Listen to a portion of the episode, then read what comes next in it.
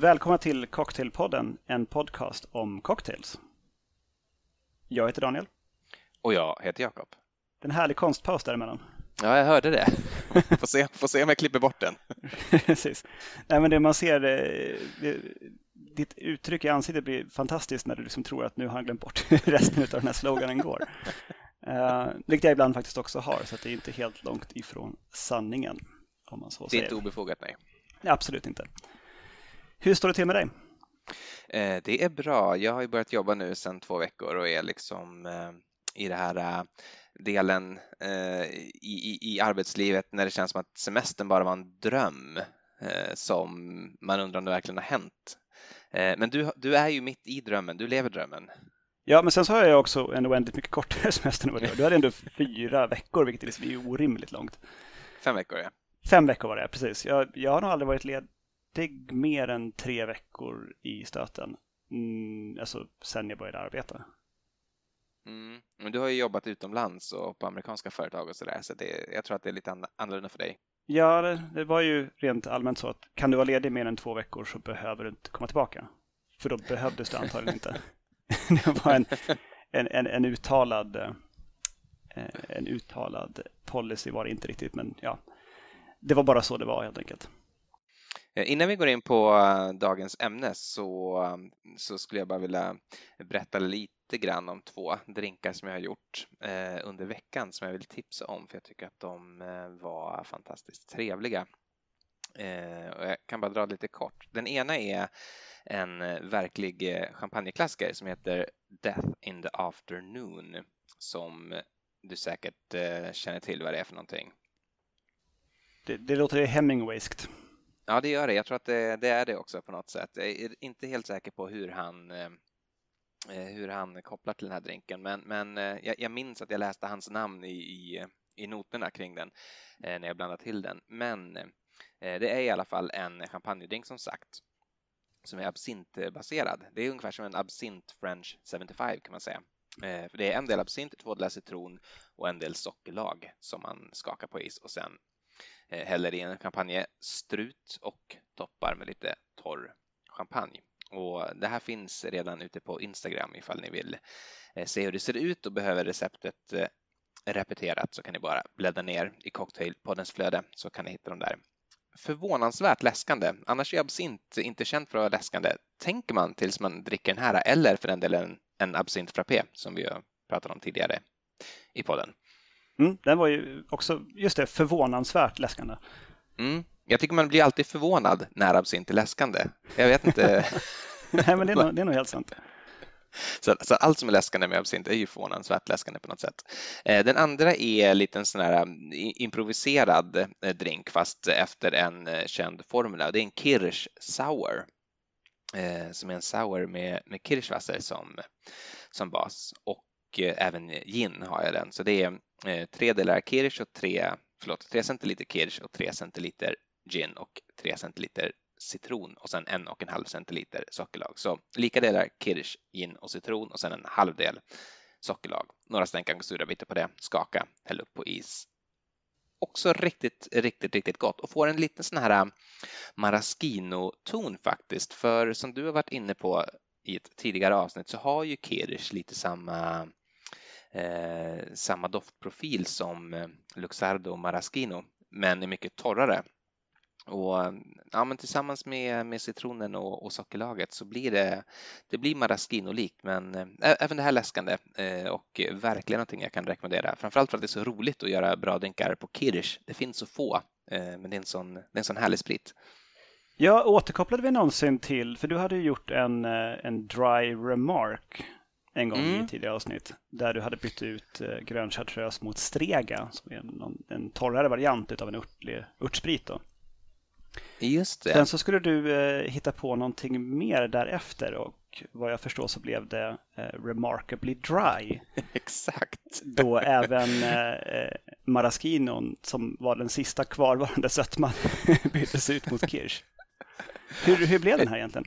Den blev, den blev påtagligt torr kan man väl säga då. Men drickbar liksom om man gillar torra drinkar? absolut, absolut drickbar, men jag skulle säga att eh, Dry Remark då med, eh, med Strega som förvisso innehåller lite, lite socker, så en, en, en gnutta socker fanns ju även i Remarkably Dry.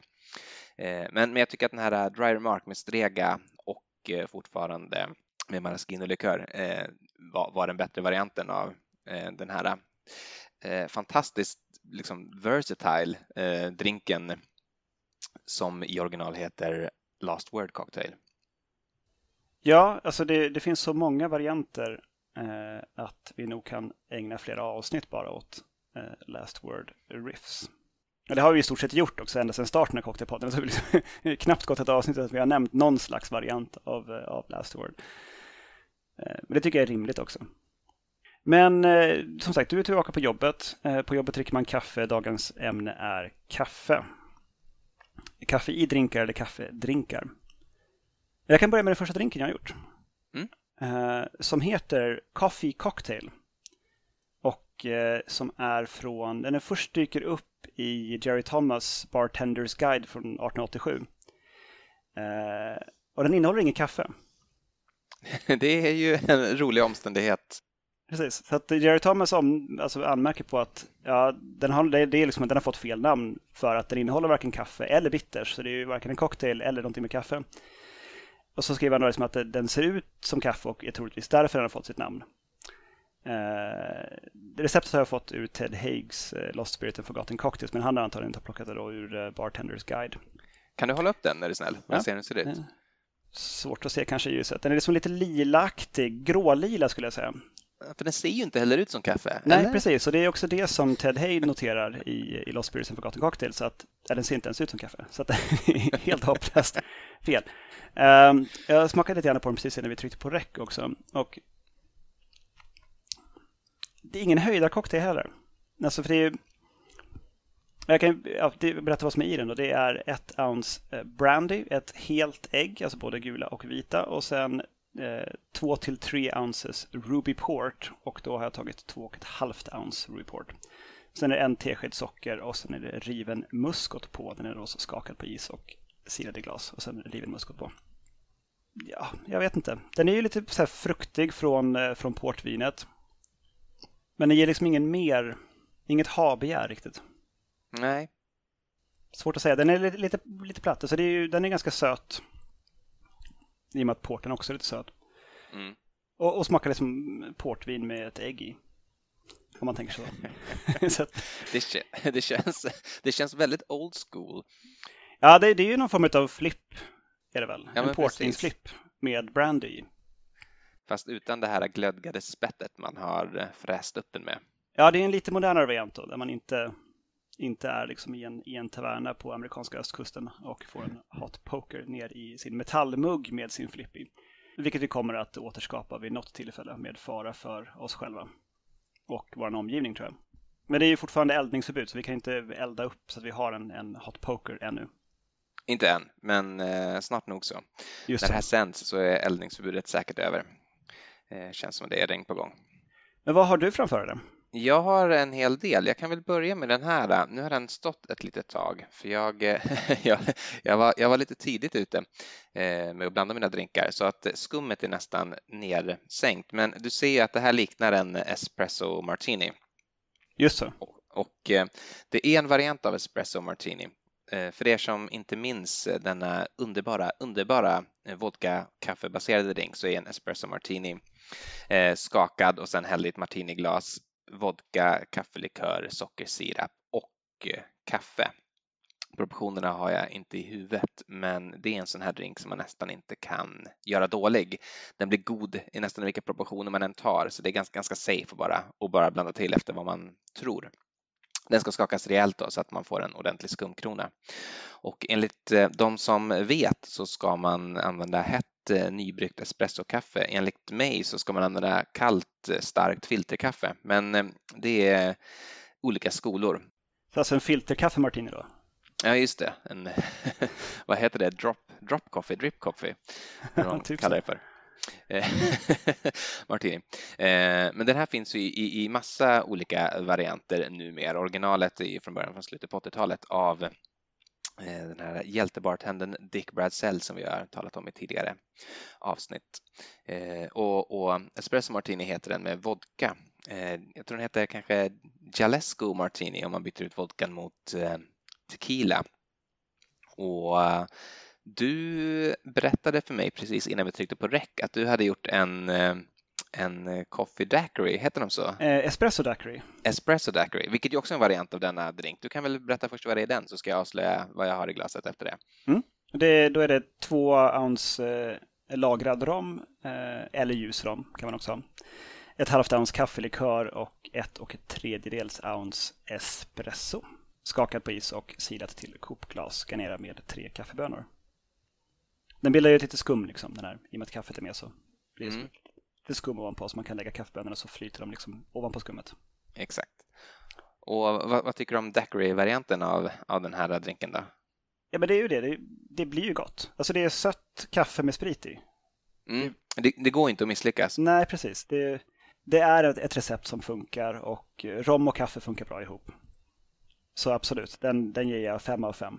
Ja, fantastiskt roligt. Mm. Det här är då en drink som heter, en variant som heter Flying Frenchman.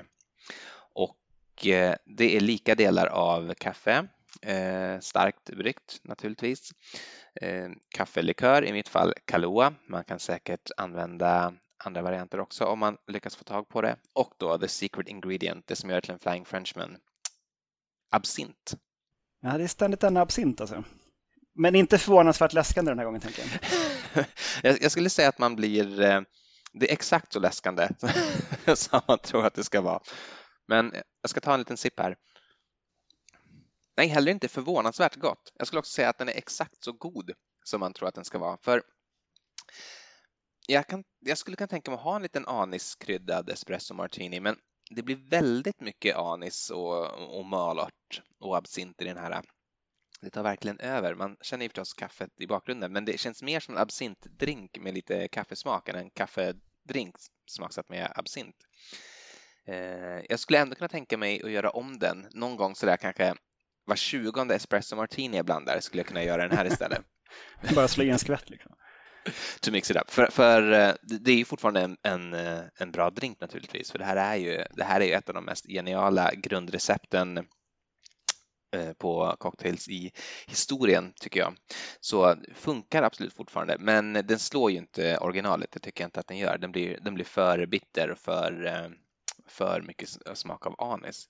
Men ja, kul variant ändå. Jag har naturligtvis tagit en bild som kommer upp på Instagram om den inte redan ligger uppe när ni hör det här. Mm. Ja, inför det här avsnittet så gjorde jag faktiskt eh, egen kaffelikör. Apropå att man, det är så svårt att hitta någonting annat än, än Kahlua. Eh, eller möjligtvis någon tequila-baserad, typ Patrons har väl en, någon slags kaffelikör-variant. De har en väldigt, eh, väldigt intressant kaffelikör. Det tog, det tog två, tre sippar när jag drack den innan jag fattade ens att det var en kaffelikör. För man är så himla ovan att en kaffelikör ska smaka tequila. Så eh, det är liksom... det slog lite slint i huvudet. För att, vad är det liksom? Vad är det för någonting? Men sen så, ja det är ju kaffe. Visst är det kaffe? Jo, det är kaffe. right. Ja. ja, men det var också väldigt, väldigt lätt att göra kaffelikör. Och resultatet blev helt vansinnigt bra. Oj. Det, alltså, ja, det är riktigt, riktigt bra. Eh, jag kan bara lite kort dra hur, hur det går till. Um, tar man espressokaffe finmalt, gärna om, om man har möjlighet att mala själv, så kan man kan mala liksom precis innan man sätter igång och mala det så fint man bara kan. Så en och en halv deciliter finmalt espressokaffe som man eh, eh sen lägger i då 4,5 deciliter vatten, kallt vatten och gör en cold brew vilket eh, vi kan återkomma till lite senare för det är en väldigt vanlig ingrediens i kaffecocktails nu för tiden att man inte har varmbryggt kaffe utan man brygger kaffet så att säga man bara att låta kaffet ligga i kallt vatten under en längre tid istället. Eh, fördelen med det är att man inte får ut så mycket bittra ämnen ur kaffet som man får vid höga temperaturer. Eh, utan man får liksom de här rena kaffearomen. Som det, det man känner när man liksom doftar på kaffet utan att ha vätska på det, man bara själva kaffepulvret. Liksom. kan man värma upp det i efterhand utan eh, kaffet i och liksom få ändå en varm kopp kaffe utan bitterhet? Det finns bara ett sätt på det. det. kan man säkert göra. Så eh, espressokaffe, vatten och sen en halv deciliter lagrad rom också i en glasburk och sen in i kylen över natten. och sen sila bort eh, kaffet då från den här vätskan. Eh, först gärna i en silduk och sen i ett kaffefilter, annars tar det väldigt lång tid i kaffefiltret. Och sen i med eh, lite ljusrom, 3,5 deciliter cirka och 2,5 deciliter socker. Och sen så rör man till sockret har löst sig. Sen glömde jag en grej. Jo, en, en vaniljstång också, delad och fröna urskrapade med i burken i början som får ligga med över natten. Mm. Och eh, detta blir på näsan väldigt, väldigt likt Kahlua. Mm. Jag är osäker på vad Kahlua har för, eh, för, för, liksom, för kryddning med i sin och det framgår inte heller i och med att det är en alkoholhaltig dryck så behöver man inte skriva ut det. Jag vet inte vad det är för bassprit i Kahlua heller faktiskt. Jag tror att det ska vara rom. Det är rom, okej. Okay. Mm. Ja, det är någon sockerrörssprit i alla fall. Så det är åt det hållet. Mm. Och, men det är som, den blir inte lika mörk den här hemgjorda som Kaluan är. Kaluan är ju ganska, alltså nästan liksom brun, brunsvart i färgen. Eh, den här blir lite, lite ljusare. Jag tror att de har färgämnen i sin. Så att i till exempel en, en White Russian så får man ju lite ljusare, ett ljusare nedre lager än vad man annars skulle fått. Alltså liksom som ett väldigt mörkt bryggt te liksom. Mm. Snarare än kaffe. Eh, väldigt, väldigt gott. Och jag har använt den också i lite andra cocktails under veckan. Eh, bäst av dessa var en cocktail som heter The Revolver. Känner inte till. Ja, den är från The Bar Book av eh, Jeffrey Morgenthaler. Eh, och då är det två ounce bourbon och ett halvt ounce kaffelikör, då använder vi den här hemgjorda. Och sen två Dash eh, Orange Bitters, rör med is och silat i kopglas. Så någonstans ett mellanting mellan en lite sötare Old Fashion på bourbon eh, eller en Manhattan ungefär. Om man tänker att man liksom har bytt ut vermouthen mot eh, kaffelikör istället. De kallar det därför en, eh, en Manhattan Riff då. Men jag tycker att det påminner mer om en, om en lite sötare Old Fashion. Väldigt, väldigt god. Det kan jag varmt rekommendera. Och det går mm. säkert alldeles utmärkt även om man inte liksom orkar sig på att göra sin egen kaffelikör. Men det, det tycker jag ändå att man ska göra. Det lät ju inte sådär vansinnigt besvärligt tycker jag. Nej, arbetsinsatsen är ju väldigt lite tid. Eh, sen är det mest liksom att den står över natten, så drar man igång det på kvällen och sen fixar liksom på, sen på fredagskvällen häller på kaffe, lite rom och eh, vatten i en burk och sen ska man göra alltihop på lördag morgon sen. Så har man lördagen räddad. Och du eh, lägger ut bild och recept på det där antar jag också? Ja, på den färdiga produkten. Jag har inga bilder från själva processen. Eh, men man kan ju ungefär tänka sig hur det ser ut. det är en burk med någon, någon otäck kaffesump i. Men då kan man ju förstås, om man tycker det är kul med kaffe så kan man ju hålla på och laborera med olika kaffebönor, rostningar och, och allt sånt.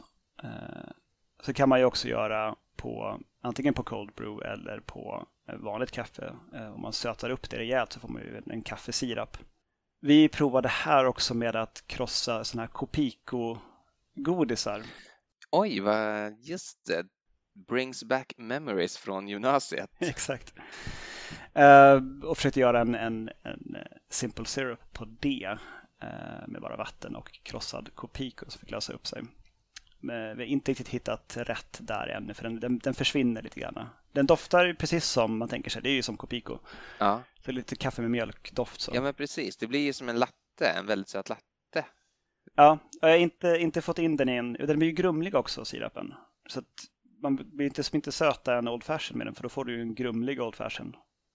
Med att den här liksom Copico-grejen blir inte klar i sirapen. Men det finns säkert någon, någon rätt väg där och är det någon lyssnare som sitter på det ultimata receptet på en Copico-sirap till cocktailbruk så får ni jättegärna höra över till cocktailpodden at gmail.com eller på sociala medier under cocktailpodden. Och när man ändå är där så får man gärna skriva en review om oss också. det hjälper oss jättemycket att synas mer och, och att få fler att höra oss. Just så. Eh, du, eh, är du färdig där med, med den eh, pratan? Min, min rant menar du? Mm, just det. Jag tänkte ta en, en halvtimmes, eh, ett halvtimmes epos om eh, kaffets historia och eh, de människor som arbetar med kaffe idag, om det är okej? Okay? Det är okej, okay, men det kan komma in efteråt då. För jag... jag, jag har ingen sån rant. Eh, jag, jag, tänker, eh, jag tänkte bara på, lite, lite grann på ämnet här hur man kan få in kaffe i, i drinkar för du nämnde ju ett flertal exempel med kaffesirap och cold brew och allt möjligt och eh, det fanns ju en, en metod som du inte riktigt nämnde tycker jag som jag har prövat i den här drinken som du inte ser för nu har jag den i någon sorts metallbägare. Jag vet inte om det här som kallas för en kalk det skulle det nog vara. Det är det som Indiana Jones ska dricka ur i... Uh, det, nej, inte det fördömda tempel. Vilken är det? nu? Det är inte arken heller. Den sista tempelriddaren. Okej, ja. bra. Okej, jag var orolig att vi inte skulle reda ut vilken film det var. Uh, det här, är, det här är i alla fall en variant av en drink som jag tror att vi kanske har nämnt tidigare i podden. Jag är inte 100% säker på det. Men originalet heter i alla fall New York Minute och är inte från New York utan tror jag från Australien någon gång. Men det är en sån ganska, eh, ganska modern skapelse, typ från 00-talet men som verkar ha nått lite ryktbarhet, tillräckligt ryktbarhet för att andra liksom, hippa barer i alla fall ska börja göra riffs på den.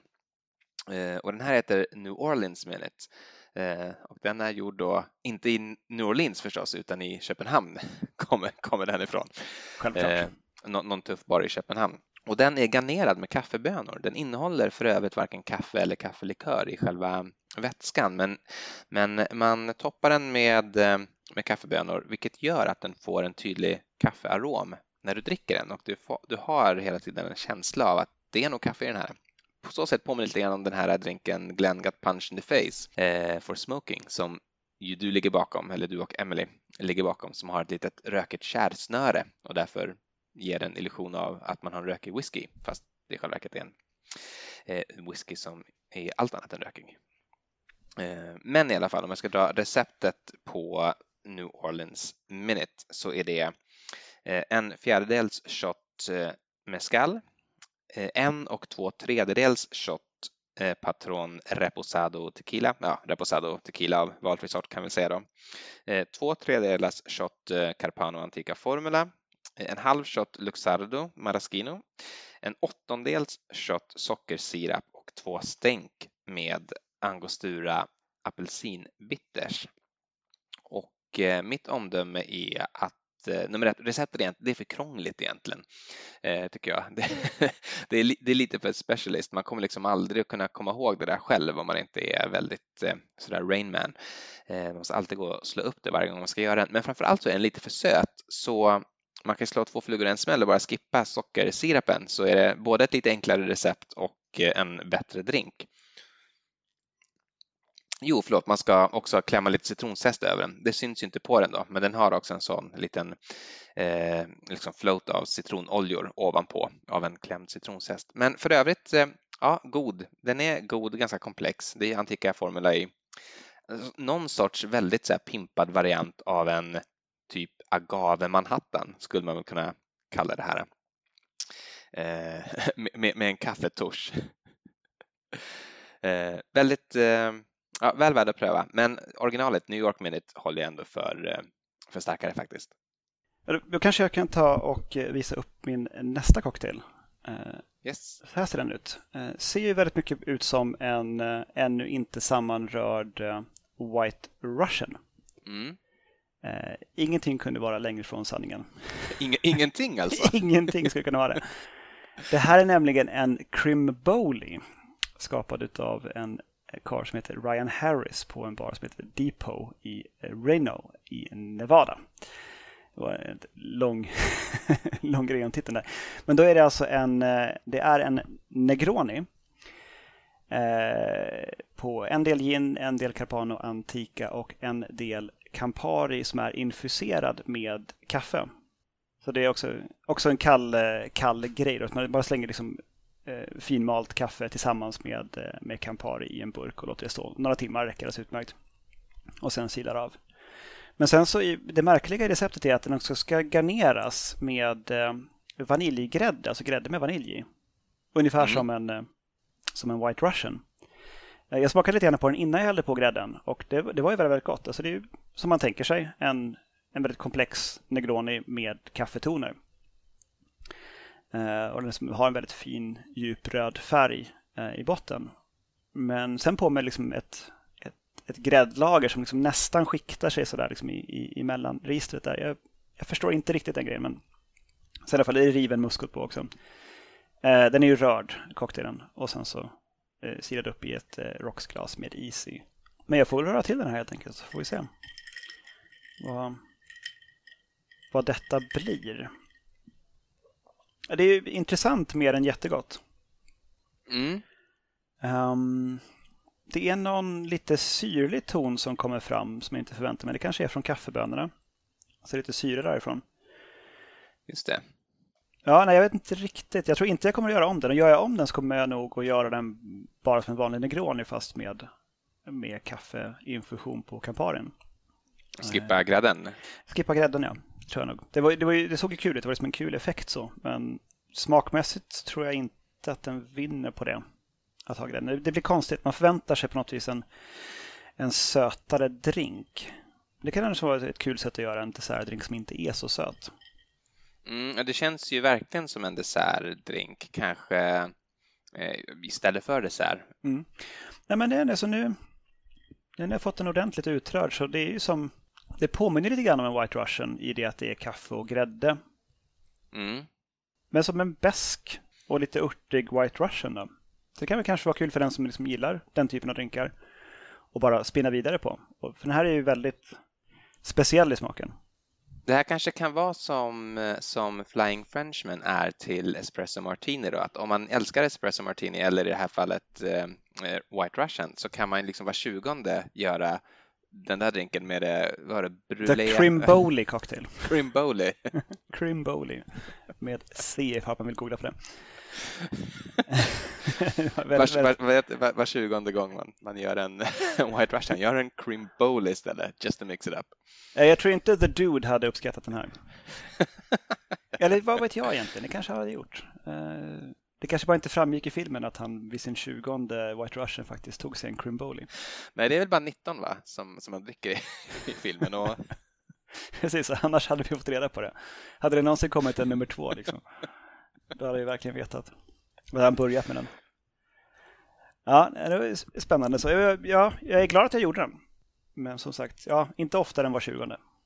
Inte oftare än var tjugonde. Jag tycker det känns lite grann som att eh, vi håller på och, och går som katten kring het gröt kring vad vi egentligen borde prata om. För det finns ju en kaffedrink som är mer ikonisk än alla andra.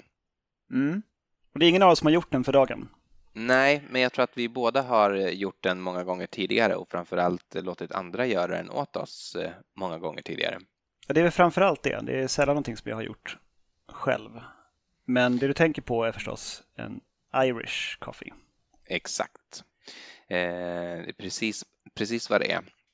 Och jag läste, det var nog på Diffords guide faktiskt, eh, att det här är ett sådant recept som då till skillnad från en espresso martini har lite grann motsatta egenskaper. Den verkar väldigt enkel men den är lätt att, att sabba om man inte är noggrann med detaljerna. Och jag kommer bara att tänka på en gång när just det hände. Då var det så att vi båda skulle ha eh, en person göra varsin Irish coffee åt oss faktiskt. Vi var på samma plats och det var din vän i Göteborg vars namn jag kanske inte ska outa. Okej, okay, så vad, jag, jag, minns inte det här tillfället. Men... Vi var, eh, vi var, vi, jag tror vi var hemma hos honom och han eh, skulle göra eh, Irish coffee åt oss och vi var väl ju alla ganska unga. Vi var åtminstone kanske, vad kan vi varit då, 25 år kanske eller sånt där. Så inte purunga, men, men långt ifrån lastgamla också. Och han började brygga kaffe för han hade, tror jag, möjligen någon sorts ny kaffebryggare som skulle ge ett extra gott kaffe och han bryggde. Det var du och jag och några andra som satt och väntade i vardagsrummet och eh, han vispade grädde för att få den i en perfekt konsistens och eh, han började röra ner socker och, eh, i det här kaffet och han smakade av och det var inte sött nog. Han började röra ner mer socker och han fortfarande inte sött nog och mer och mer socker. Och han hade dagen till ära köpt någon sorts liksom, lyxigt eh, sånt här typ muscovado-socker mm. eh, som är lite ljusbrunt. Eh, men hur mycket han än rörde ner så, så vart det liksom inte riktigt sött nog så han fortsatte och fortsatte men till slut så efter att han haft nej, liksom löjligt mycket socker. Så jag, men nu måste, det måste vara jag som har fel med mina smaklökar så jag får gå ut med de här nu, även om det inte alls, det fortfarande inte är så sött som jag vill ha det. Och eller på grädde och gick dit. Och eh, när, när drinkarna väl serverades så var det liksom bara en stor gröt för eh, det var inte socker då, utan det var ströbröd som han hade hällt ner och blandat med kaffe och Men det ser ju ut som sånt socker, det är klart. Det, det är ett exempel på, det var en, en liten, liten detalj som blev fel, men, men eh, det blev ändå nästan odrickbart. Men den detaljen, fel i vad man än har socker i, blir ju astronomiskt fel. Jag tänker liksom en, en, en välbalanserad daiquiri liksom med, eh, med en tesked råsocker och lite lime och lite rom. Och så tar man bröd istället. Nej, fy vad tråkigt. Det, ja, det, det, ringer en klocka nu när du säger det. Jag, jag är dålig på att minnas saker annars, men eh, det kan nog stämma. Jag, jag misstänker att vi fick en, en ny omgång raskt gjord och att det var fantastiskt. Det kan varit så, det kan varit så att han slösade bort sin sista bra whisky på de här. Eh, jag, jag, jag kommer inte ihåg. Men låt, låt oss för, eh, för closure säga att han, han gjorde ett par nya och det var de godaste Irish coffee någonsin har druckit. Eh, Irish coffee är ju väldigt gott. Jag, jag, jag gillar en god Irish coffee. Vad, vad tycker du? Jag tycker också att det är gott. Eh, och vi var inne på lite grann på varma drinkar där. Att liksom, det är ett gräddlager överst som liksom på något vis håller tillbaka eh, alkoholångor som annars kan bli lite stickiga i näsan i en varm, Mm. en varm drink. Liksom. Så det tycker jag är väldigt bra. Jag kollade upp ett recept från, eh, från Dead Rabbit i New York. De är ju liksom en sån craft cocktailbar men som också är en irländsk pub. Just det, där har jag faktiskt varit. Eh, Fantastiskt trevligt ställe. Men du drack inte Irish coffee där? Nej, De serverar väldigt mycket Irish coffee just där. Så att, eh, det är lite grann en av deras grejer. De, att vi, de vill bara ha en bra Irish coffee. Det är inga konstigheter i det. Liksom. Det är eh, ett eh, halvt ounce sockersirap, ett och ett halvt ounce irländsk whisky, eh, fyra ounce hett kaffe och ett ounce löst vispad grädde och sen rymmer muskot ovanpå. Eh, de skriver i boken att eh, hemligheten enligt dem är att köpa really ridiculously expensive double cream. Jag, vet inte vad man ska göra i Sverige för det, för det Grädde är ju grädde liksom. jag vet inte heller. Vad är double cream? Men det är väl typ vispgrädde? Ja, det är vispgrädde. Jag tror det. Alltså sånt som liksom går att vispa. Ja, men det kanske är svårt att få tag på. Eh, vem vet? Ja, det är det. Alltså det, är, det är ofta det som om man på lokal beställer sin Irish coffee så inte jättesällan så är det ju sprayburksgrädde som kommer ovanpå. Mm. Eh, och då blir det ju fel. För det är som, den är ju alldeles för hårt vispad för att det ska funka i en, i en kaffedrink eller i en drink överhuvudtaget. För det blir som ett litet ett lock på liksom. Precis. Det skulle vara mer rätt, skulle jag säga, att eh, egentligen ha helt ovispad grädde och bara liksom floata den ovanpå så, så gott det nu går. Det, det skulle vara bättre än att, än att ha den så hårt som i en sån spraytub. Eh, bästa är ju att göra lättvispad grädde. Jag läste också eh, att eh, grädde helst ska vara ett par dagar, att den flyter ner annars. Det är väldigt svårt att få den, eller sjunker ner, det är svårt att få den att flyta om den är helt, helt eh, färsk, vilket blev ett problem på baren Buena Vista Café i San Francisco när de skulle försöka ta reda på hur man gjorde en Irish coffee. Vilket för övrigt sömlöst eh, kanske för in mig på historien om hur Irish coffee kom till. Absolut. För, för, för det här, deras, deras strävanden i att eh, återskapa den här drinken är nämligen en, en, en viktig del i, i den här drinkens historia. Eh, Du vet säkert redan det här. Jag har ju den lilla, lilla information som finns i Dead Rabbits cocktailbok. Ehm, där också Buena Vista Café nämns, men bara väldigt, väldigt kort. Att liksom det var där den på något vis slog igenom ordentligt. Mm, just det. Eh, för det här var faktiskt en drink från världskriget 1943 eh, som den här såg dagens ljus första gången, eller rättare sagt eh, nattens mörker kanske man ska säga, för den uppfanns eh, tämligen sent på dygnet. Och vid den här tiden så hade alldeles, alldeles eh, ganska nyligen den första transatlantiska kommersiella flyget mellan USA och Irland eh, öppnat och det var Pan Am som flög och då flög de till flygplatsen Foynes. Det brukar oftast Ofta kan man läsa att Irish Coffee uppfanns på en flygplats som heter, jag tror den heter Shannon Airport. Det stämmer dock inte, eh, för Shannon Airport fanns inte på den tiden. Ja, det är inte så intressant. Det här är i alla fall Foynes Airport. På den här flygplatsen så fanns det en bar där en eh, väldigt eh, begåvad ung man vid namn John Sheridan eh, som han basade för då. Så han var både kock och bartender på den här baren. Han ska enligt legenden ha sökt jobbet genom att skriva till chefen Dear sir, I am the man you're looking for och fått jobbet. Bara på det? Bara, bara på det. Så att jag, jag tänker lite grann det här snacket om att det, det, är tuffare för dagens ungdom att få jobb än vad det var förr i tiden. Det kanske inte bara är snack. För det där var inte det bästa personliga brevet eh, som jag har eh, hört talas om. Men han fick det här jobbet och det visade sig att eh, det, det var också helt sant. Han var the man for the job. Eh, I alla fall, det var ett förfärligt oväder över Atlanten en natt 1943 när Pan Am lyfte och det dröjde inte förrän den var tvungen att vända tillbaka. De insåg att de skulle inte klara flighten över. För säkerhetsskäl så vände de tillbaka mot Foynes Airport. Och vid den här tiden så var liksom planen inte så isolerade så det var fruktansvärt kallt när man flög på de här höga höjderna. Det måste ju rimligen varit varmare tänker jag än vad det var utomhustemperaturen.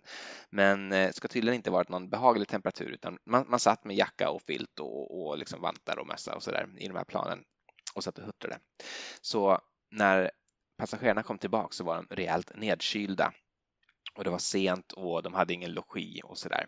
Så eh, chefen för flygplatsen, han ringer hem till Joe Sheridan som har gått hem för dagen och sagt du måste komma hit och du måste fixa någonting varmt eh, åt alla de här frusna passagerarna som helt hipp som happ nu har hamnat på flygplats. Och han åker dit och han brygger kaffe och så häller han lite whisky och socker i kaffet och Eh, Eh, för att det ska också vara lite så här, mysigt. Lite, ja, men tänk liksom att du är barn och ska få en kopp choklad så sätt en lite grädde på toppen också. och, och bjuder runt på det här. Och folk tycker att det, är, det här är väldigt gott och en av passagerarna ska ha frågat är det brasilianskt kaffe? Varpå han ska svara no, no, no, it's, it's Irish coffee. Mm -hmm. Där satt den. Där satt den. Han, han, eh, jag vet inte om det är sant. Det låter nästan för, för bra för att vara sant, men, men låt oss sant att det är det i alla fall. Den här drinken fortsatte de sen att servera på Foynes tills, eh, tills eh, de la ner och baren här på Foynes flyttade sen till Shannon Airport. Så det är på ett sätt baren på, som på nuvarande Shannon Airport där Irish Coffee eh, ändå kom till, fast då låg den inte där. Ja, hur som helst. Väl utrett, Jakob. Tio år senare ungefär så flyger ja. en amerikansk journalist vid namn Staten Delaplane eh, till eh, Irland och eh, på den här baren så dricker han en Irish coffee och han blir överförtjust, tycker det är bland de mest fantastiska cocktail eller drink som han har druckit. Så när han kommer tillbaka då går han till sitt lokala liksom, hak där han brukar hänga och det är just den här Buena Vista Café i San Francisco. Och han eh, berättar om den här drinken och eh, ber att eh, de ska försöka ta reda på, eller att göra den, liksom återskapa den på det här stället. Och de håller på och de håller på. Och det, det här grädden kommer in då, för ett av de fel de gjorde var att liksom grädden sjönk hela ner, tiden ner till botten och lyckades inte få den att bli ett lock. Så han åker faktiskt tillbaka till, till flygplatsen på Irland bara för att fråga hur gör ni? Och då visar det sig att ja, men vi har ju gammal grädde. Och så åker han tillbaka och så lyckas han då och återskapa den precis som på flygplatsen i, utanför Dublin. Nice. Det här, det här drinken tar eh, fart på allvar. Det här eh, Irish Coffees eh, stora segertåg startar på riktigt. För det här blir liksom inte bara den här äh, barens mest beställda drink, det blir hela San Franciscos mest beställda drink och den här lilla, lilla baren som fortfarande finns kvar och tror jag än idag serverar en sådär 2000 Irish coffee per dag eller någonting i den stilen. Eh, det är några vansinniga summor och liksom bra dagar så kan det vara upp mot en 6000 Irish coffees per dag så att det är helt vansinnigt. Det är helt vansinnigt eh, vad mycket Irish coffees de gör där. Ser väldigt oansenlig ut från utsidan i alla fall. Jag har ju varit förstås på Google Street View och tittat hur, det, hur den ser ut. Eh, inte alls lyxig eller så, men, eh, men eh, säkert väl värd ett besök om man är i närheten. Men det är därifrån den tar fart i alla fall. Och eh, han Eh, Stanton Delaplane som introducerade drinken till USA, han blir, han blir en kändis på grund av det här. Han, han, han blir känd och får åka runt och prata och föreläsa om Irish Coffee och blir på något sätt Irish Coffees liksom upphovsman i USA eh, för att han tog dit den. Men i själva verket så är ju den ursprungliga hjälten irländaren Joe Sheridan, så hans namn får vi heller aldrig glömma. Men då vet man att det finns ju någon form av karriär i det här liksom med att sitta i barer och dricka cocktails. till slut så hittar du ju någonting som du kan liksom på omvägar göra till ditt framtida jobb. Som den här karln med att bli ambassadör för Irish Coffee. Det är verkligen en sedelärande eh, historia. Ja, så att jag menar liksom alla ungdomar som idag sitter och skriver personliga brev och, och våndas över detta. Skit i det. Gå och sätt din bar istället och se vad som händer. Exakt. Gärna på en flygplats. Det är liksom någon, någon mindre flygplats någonstans och bara testa vad de har där. Eh, men Irish Coffee måste väl nästan vara den första riktiga liksom, kaffedrinken eh, som är liksom god. ja, alltså det, det, det, är väldigt ont om eh, kaffe, ingrediens, kaffe som ingrediens i äldre recept. Mm. Det är ju den här liksom coffee cocktail eh, som inte innehåller kaffe. Eller ser ut som kaffe. Eller har någonting överhuvudtaget med kaffe att göra för att den heter så. Det finns ju, ehm, det, det, har ju funnits länge att man, att man dricker kaffe tillsammans med sprit. Eh, I Frankrike till exempel så tror jag man kallar det för en gloria eller något sånt där när man häller sprit ner i kaffet och i Italien så har vi café corretto. Mm, och den svenska kasken då. Och kasken precis. Den är faktiskt inte gjort inför dagen. Nej. Eh, för det, det känns bara lite för, jag tror inte jag är hård nog för det. Alltså, det här. Vi har ju nämnt det tidigare i podden, men det är ju kort och gott att man ska lägga ett mynt i en porslinskopp eh, och slå på kaffe tills man inte ser myntet. Sen slå på eh, renat brännvin tills man återigen ser myntet tydligt. Um, jag misstänker att det säkert är typ 80-20 eh, eller någonting i sprit till kaffe för att man ska åstadkomma det här. Gissa igen kan jag säga. För, Oj, har du gjort det? Jag har, jag har prövat det här och eh, man, man ser aldrig myntet igen. Det förblir dolt hur mycket sprit du än häller på och eh, det förvånar en ju naturligtvis. Men då får man typ ta en barsked kaffe. så, att, så att det inte ens täcker myntet, då kanske, kanske det går bra. Men då stämmer det inte, för man ska ju, man ska ju fylla på kaffe tills man inte ser det. Så att, har det alltihopa varit, bara varit en bluff och, och ljug? Det måste, det måste nästan varit en bluff och ljug. Jag började googla på det här eh, om liksom kaffekask eh, och myt och sådär och, och hittade också förklaringen. Och förklaringen är en väldigt eh, avancerad matematisk formel eh, som jag tyvärr inte har i huvudet, men jag har vad den heter i huvudet eh, och den har ett, tycker jag, för podden passande namn, nämligen Bears Law eller Bears lag antar jag på svenska. Eh, beer är då det engelska namnet för öl ifall det inte är någon som... Men också på en kar som... Men också på en kar som, som, som går på varför då man inte kan se myntet i botten. Men det var ju inte kaffekask han hade som, som nej, forsknings... Nej, det var det inte. Det, det var... Eh, var det ens något alkoholhaltigt? Nej, det handlar inte om det, utan det handlar om, eh, det är egentligen i, i liksom kemi och vad heter det, spektrometri. Eh, så eh, det här är alltså en lag som förklarar varför man aldrig kan, du kan aldrig, alltså om du har ett cylindriskt kärl som är liksom likformigt eh, så kan du aldrig spä ut någonting liksom som är ogenomträngligt för ljuset och få det genomträngligt genom att spä ut det liksom ovanifrån. Därför ja, just det, för att du har till, du, alla partiklarna är fortfarande kvar ovanpå. Precis, det, det, är alltid lika mycket som blockar. Så visst, det blir liksom det blir ju klarare, du kan se ner en bit, men då har du också längre att se igenom. Så därför så, du kan aldrig nå en punkt när, du, när den plötsligt är så pass eh, liksom ogenomskinlig att det går att se ända ner till botten. Ah, men tänk så här då, du har en gammaldags kaffekopp. Mm. Den är ju smalare längre ner. Mm. Och sen blir den snabbt bredare vilket gör att det späds ut åt sidorna mer än det gör uppåt. Då går det då kan man komma undan Bears law. Så lagens långa arm, den, den sträcker sig inte dit faktiskt. Nej, för jag tänker på att man har ju druckit sin kass kanske i en mugg, man har ju druckit det i en kaffekopp. Mm. Eh, med, liksom, med fint med fat och sådär. ja. jag vet inte, vi får, vi får liksom relegera det till historiedrickarna avsnittet i framtiden istället. Ja, eh, det tycker jag. Jag, jag, jag tyckte det var. Vare sig i vodka-avsnittet eller i det här avsnittet så jag mig på det jag tog mig ändå an dräparen i vodkaavsnittet. Jag tycker liksom ändå var så. Bara att gå till Systembolaget och köpa eh, en, en flaska Baileys och en flaska Explorer med liksom straight face på en måndag också. Mm. Ska du hem och läsa den här filterartikeln om Palmemordet kanske? och komma i stämning. Ja, Få lite feeling. Eh, men har du gått igenom dina cocktails? Ja, men jag har en liten hommage till dig och dräparen eh, som en liten avslutning. Jag håller upp den här mm -hmm. i webbkameran och det här är ju en Baby Guinness. Nej, vad roligt! Den nämnde vi om också faktiskt då tror jag. Att man kunde göra en sån. Eh, och den tänkte jag att jag skulle göra idag då. och det här är ju kaffelikör i botten och lite Baileys på toppen som då gör att den ser ut som en Guinness. Nu är den här inte i ett eh, pintglas så därför så ser det mer ut som... det skulle vara lite, lite pintglas, ett litet shotglas ska det vara.